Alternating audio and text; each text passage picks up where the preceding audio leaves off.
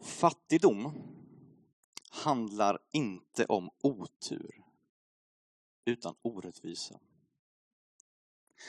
Det, det, säger en teolog som heter Gustavo Guterres och jag är beredd att hålla med. Fattigdom handlar inte om otur, utan om orättvisa. Du vet, att födas in i fattigdom, i svält, in i brist på vatten som i sin tur ofta leder till sjukdom och i vissa fall, för att inte säga många fall, död. Det handlar inte bara om otur. Det är inte bara att man hade, det var lite synd att man hamnade där. Det är något av orättvisa som syns där. För resurserna för att tillgodose hela världens behov på liksom det fysiska planet, det finns. Men tyvärr finns ju faktiskt orättvisor också. Och de som drabbas allra hårdast av de här orättvisorna, det är förutom i många fall kvinnor, så är det inte minst barnen. Det är de små, oskyldiga, som inte har mycket att säga till om, inte kan göra sin röst hörd. Ändå är det de som får betala, i många fall, det högsta priset för världens orättvisa. Det där, det där liksom hugger tag när man säger det. När jag har läst och förberett det där, det där gör ont i mig. Att de små drabbas allra hårdast, de som har minst att säga till om. Och då kan man ju faktiskt ställa sig frågan, varför tillåter Gud det här? Och varför, vad säger Gud om det här egentligen? Och det korta svaret är att alltså, jag har ingen heltäckande förklaring varför det är som det är. Jag har inte ett fullt tillfredsställande svar. Jag, det finns vissa saker man kan nämna, som exempelvis att resurserna finns, den fria viljan att liksom handla därefter finns. Men det, det svarar ändå inte helt på frågan. Så jag vet inte helt. Men genom att ha läst Bibeln ett par gånger och bläddrat genom den så ser jag gång på gång en sak i alla fall. Och det är att Gud, han står på den utsatta sida. Gud, han står på den utsatta sida. Han har, en, han har omsorg om oss alla, men det finns en särskild omsorg över den utsatte. Och utsatthet kan ju ta sig uttryck på många olika sätt. Han ser oss alla, ung som gammal, rik som fattig, oavsett bakgrund. Alla vi alla oss ser han som hans unikt värdefulla skapelse. Det gäller mig, det gäller dig och det kanske du faktiskt behöver höra som en påminnelse idag. Du är högt älskad av den högste. Det gäller även min son Leon här bak. Men det gäller också Etse, mitt fadderbarn och de andra barnen runt omkring i världen. Och alla människor oavsett ålder och bakgrund. Och Gud är en Gud som, han, han, han lider med den som lider, han gråter med den som gråter. Han beskrivs som en rättvisans Gud. En Gud som står på den utsattes sida. Häng med mig till Saltaren kapitel 12, vers 6. Vi ska läsa en första vers där tillsammans nu. Det uttrycker någonting om Guds hjärta, Guds omsorg och hur Gud faktiskt tar på ett sätt parti för den utsatte, för den fattiga. Då står det så här. Det svaga förtrycks och de fattiga de klagar. Och vad säger Gud då? Jo, nu griper jag in, säger Herren. Jag ska ge frälsning åt den som längtar efter det hör vi hur Gud på något sätt säger, jag tar parti, jag står på den utsattes sida. Och när vi tittar på Jesus, han som är eh, vårt föredöme, våran liksom, eh, den förebild som vi vill följa. Han som är Gud själv förkroppsligad, det som vi firar nu under advent och jultid, att Gud blev människa, kom till oss. När vi tittar på Jesus, då ser vi Guds hjärta för den utsatte med på olika sätt. Och vi ser något av Guds hjärta för den utsatte när vi bland annat läser från Lukas evangeliet 14. När Jesus säger följande till en farisé som har bjudit hem honom. När du bjuder på lunch eller middag, så bjud då inte dina vänner eller syskon eller släktingar eller de rika grannar så att de bjuder tillbaka och det blir din belöning. Nej, när du bjuder till fest, bjud fattiga, handikappade, lama och blinda. Ja, salig är du då eftersom att det inte kan ge dig något belöning. Du ska få din lön vid, rättfärdigas, äh, eh, vid det rättfärdigas uppståndelse. Du vet, det är så här det ser ut när Guds rike bryter fram, där Guds rike går fram och där Guds vilja sker. Där är det fest och där bjuds den fattige, den utsatte, den, den marginaliserade om du så vill, eller på något sätt sjuka eller på något sätt eh, utsatta människan in. De är inbjudna, de hör till där. Så ser det ut där Guds vilja får råda. Det här säger något om Guds hjärta. Jesus talar ut någonting om Guds hjärta för det som är utsatta på olika sätt. Och um, Vidare när vi läser Bibeln så ser vi att Jesus faktiskt ska ju komma tillbaka, det tror vi, eller hur? Och då ska han få upprätta sitt rike och det ska få råda fullt ut. Det är en dag att längta efter. Det är en tid när ondska och förtryck och orättvisor faktiskt kommer få flytta på sig. Det kommer raderas ut. Och så ska Gud regera som kung.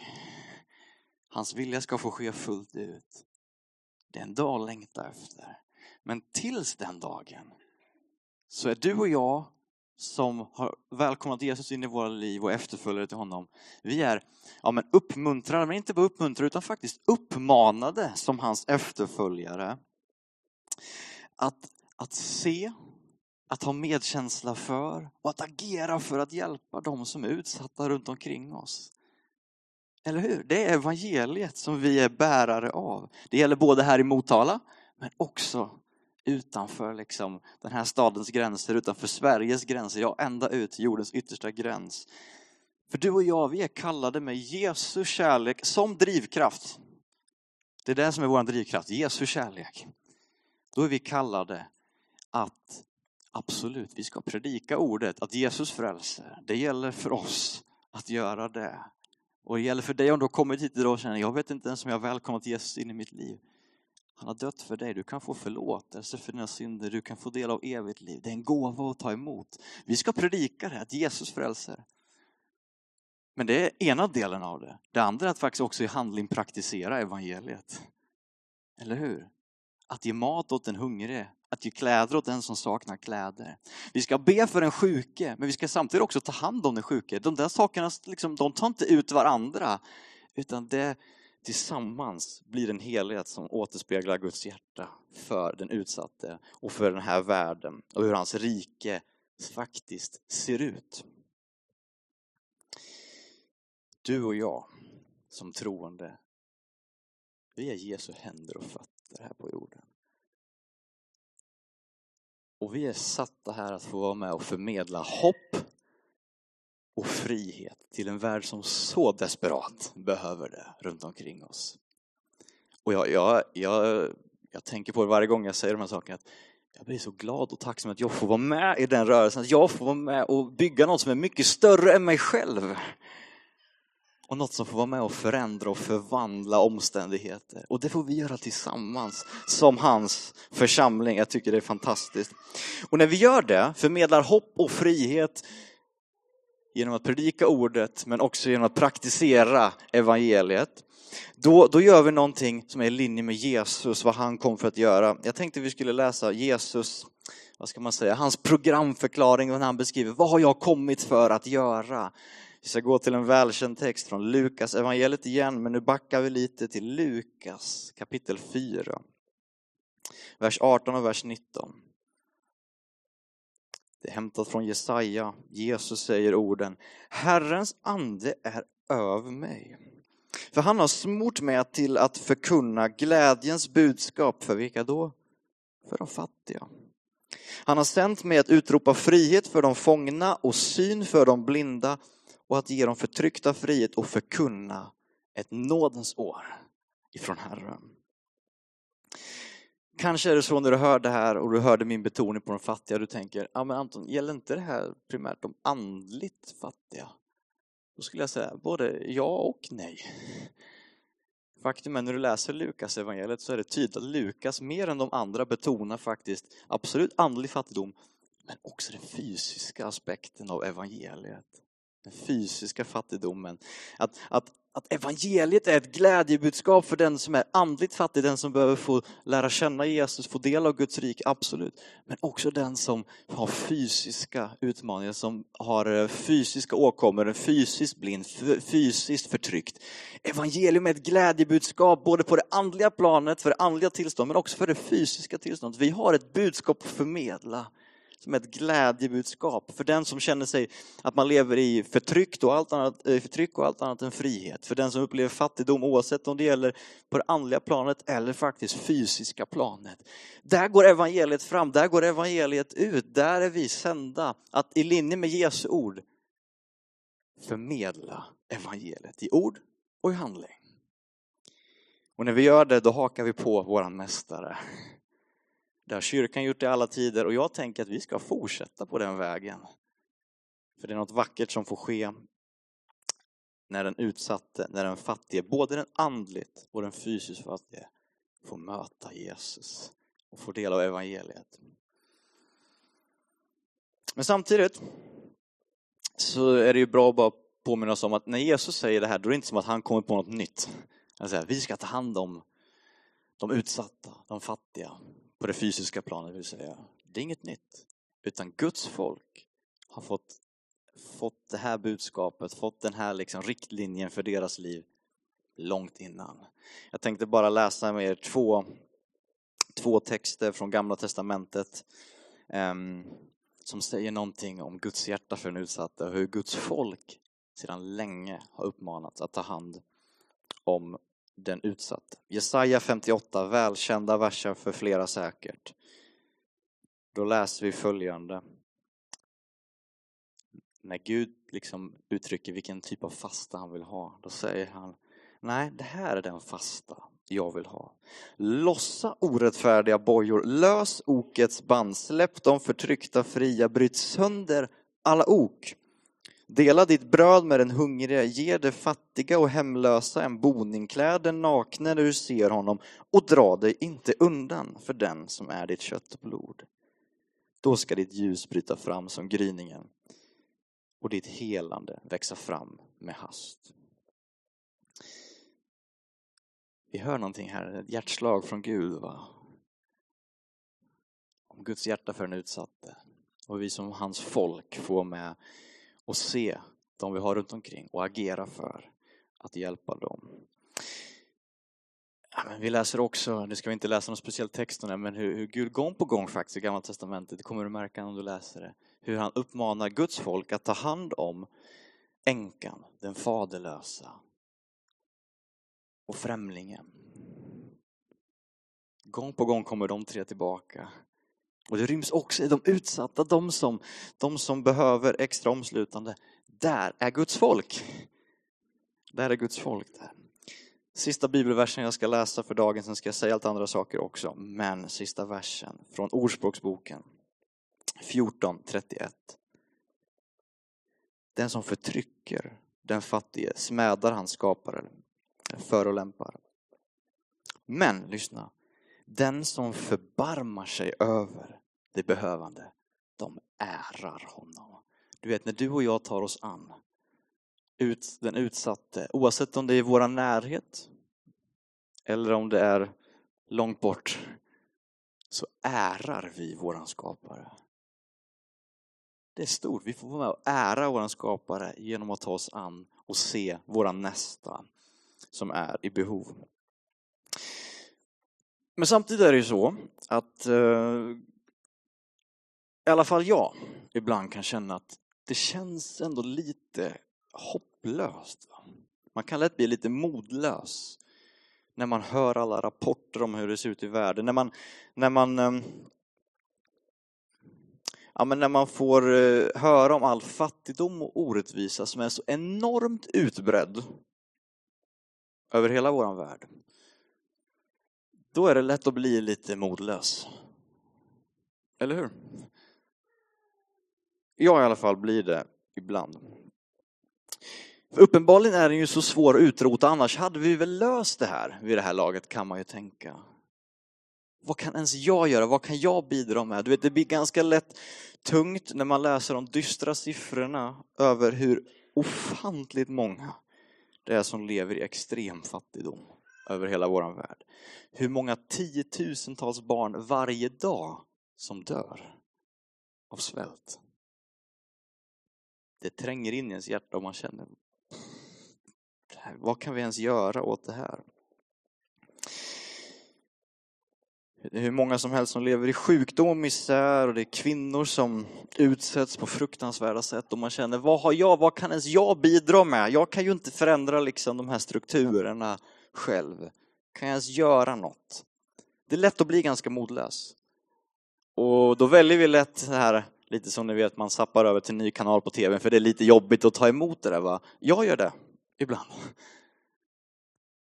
Men då skulle jag vilja dela med dig en eh, berättelse som jag, nej den är nog inte sann, men den har ett sant budskap i sig, så kan man säga. Några kanske har hört den också. Det handlar om en pojke som, han går längs stranden. Och där på stranden så ser han hur, en, hur eh, havet, eh, havets vågor spolar upp massor av sjöstjärnor. Vi pratar tusentals sjöstjärnor som kommer på stranden på en flera mil lång strand. Va? Och vattnet går ju tillbaka och pojken inser att de här kommer ju inte klara sig. Varpå han bestämmer sig för att han går fram, börjar plocka upp den första och så kastar han ut den och tar i sig den liksom verkligen kommer ner i vattnet. Och så tar han en till, kastar ut och en till. Så håller han på så en stund tills det helt plötsligt kommer en man som står och begrundar en stund och tittar vad pojken håller på med. Och så säger mannen helt plötsligt Vad håller du på med? det här är ju meningslöst. Du kan inte göra någon skillnad. Ser du inte hur lång stranden är, hur många tusentals sjöstjärnor det är? Du kan inte göra någon större skillnad här. Men då älskar jag enligt den här berättelsen pojkens svar. För då, när den här mannen har sagt det, då tar han upp en sjöstjärna igen och så säger han, jo, för den här gör det all skillnad i hela världen. Och så tar han den och så kastar han ut den och så får den sjöstjärnan då klara sig. Som sagt, jag tror inte den här berättelsen är eh, sann, men den har ett budskap som är så otroligt bra. Du och jag, vi kan inte förändra hela världen själva. Du och jag kan inte utrota fattigdom och orättvisa själva. Vi kan inte förändra hela världen, men vi kan förändra hela världen för ett barn eller för ett sammanhang, för en familj här i vår närhet eller långt bort eller i ett sammanhang. Vi kan göra ett val i vår vardag som faktiskt kan få göra all skillnad för någon annan. Du kan inte förändra allt, nej. Men om ganska många skulle bestämma sig för att jag kan göra något för någon, då skulle ganska mycket börja hända samtidigt. Vi kan få vara med och göra skillnad tillsammans. Och för den vi gör skillnad för, då gör det all skillnad i världen. Sen måste man ju säga någonting, har jag tänkt på, kring ehm, men det känns som man måste adressera vår tids materialism och individualism här någonstans. Jag ska inte prata särskilt länge om det, men man får bara konstatera att just individualismen, vårt fokus på oss själva och att liksom säkra vårt egna hela tiden och våra egna behov och viljor, ena, och materialismen, att alltid ha nytt och det senaste och fylla på med saker. De två sakerna som präglar vår tid väldigt mycket, det har liksom dribblat bort oss lite från det som vi egentligen ska ha blicken på. På Gud själv och på våra nästa. Blicken har så mycket vänts till oss själva och vi alla tror jag i olika grad, definitivt mig inkluderat, är drabbade av det här. För vi lever liksom med det här runt omkring oss. Vi matas med det här genom reklamer och allt möjligt runt omkring. Vi har liksom dribblats bort i olika grad från att ha fokus på våra nästa och fokus på Gud. Men här har du och jag som kyrka, vi som församling, en annan väg att gå. Generositetens väg. En så mycket högre och vackrare väg där vi med Jesus som föredöme, han som gav sitt liv för oss, så får vi med och ge vidare. Gud är den första som har gett det, med hans kärlek i ryggen som vi ger vidare. Det är inte för att bli älskade utan för att vi är älskade som vi ger vidare. Då får vi ge det och gå generositetens väg. Och jag tänker att det är den naturliga responsen i våra liv. Att ge det vidare. Och det gäller också att hjälpa den utsatte, det inkluderar det. Och jag är övertygad att i församlingen här så finns det så många hjältar. För det är det, var man än kommer till församlingen, då finns det hjältar i mängder. Vardagshjältar, hjältar inom familjer, i församlingen, i, ja, men för nära och kära, men också långt bort. Många som gör fantastiskt mycket och säkert ger till massa saker redan och investerar i människor, både här i närheten men också långt bort. Allt ni gör, jag bara säger amen, fortsätt, ni är fantastiska. Så tror jag faktiskt att våra hjärtan kan få expandera, det kan finnas mer plats. Gud kan ge mer plats i våra liv. Inte så att det blir kravfyllt utan glädjefyllt faktiskt. Att få hjälpa någon mer, att få sträcka ut handen till en till. Få se hur det får göra all skillnad i en persons till liv. Så jag ska gå in för avrundning här. Jag ska försöka hålla mig rätt så kort här eftersom jag pratade lite längre förut. Så lovsångsteamet, ni kan få börja göra er redo. Vad är det jag vill att försöka fånga här någonstans? Ja, det skulle kunna sammanfattas så här att låt oss se, ha medkänsla med och agera för att hjälpa de utsatta i vår närhet, men också utöver vår värld. Låt oss göra som Gud och stå på de utsatta sida.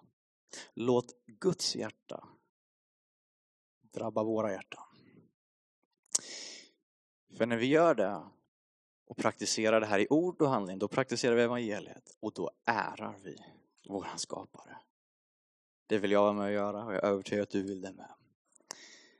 Jag ber en bön och så, så ska vi lovsjunga tillsammans så ska vi så småningom också fira nattvard här tillsammans. Tack Herre för den här stunden. Tack Herre för ditt ord. Tack Herre för att det kalibrerar oss så att vi får ha blicken fäst på dig och på vad du har för oss men också vad du har för den här världen. Hjälp oss Gud, fyll oss med din kärlek, fyll oss med ditt goda så att vi får ge det vidare till våra nästa här i Motala men också utöver, eh, utanför liksom Motala, utanför Sverige och ända till jordens yttersta gräns. Jag ber att du ska beröra oss så att vi får vandra i takt med dig, för det vill vi Herre. Det vill vi. Amen.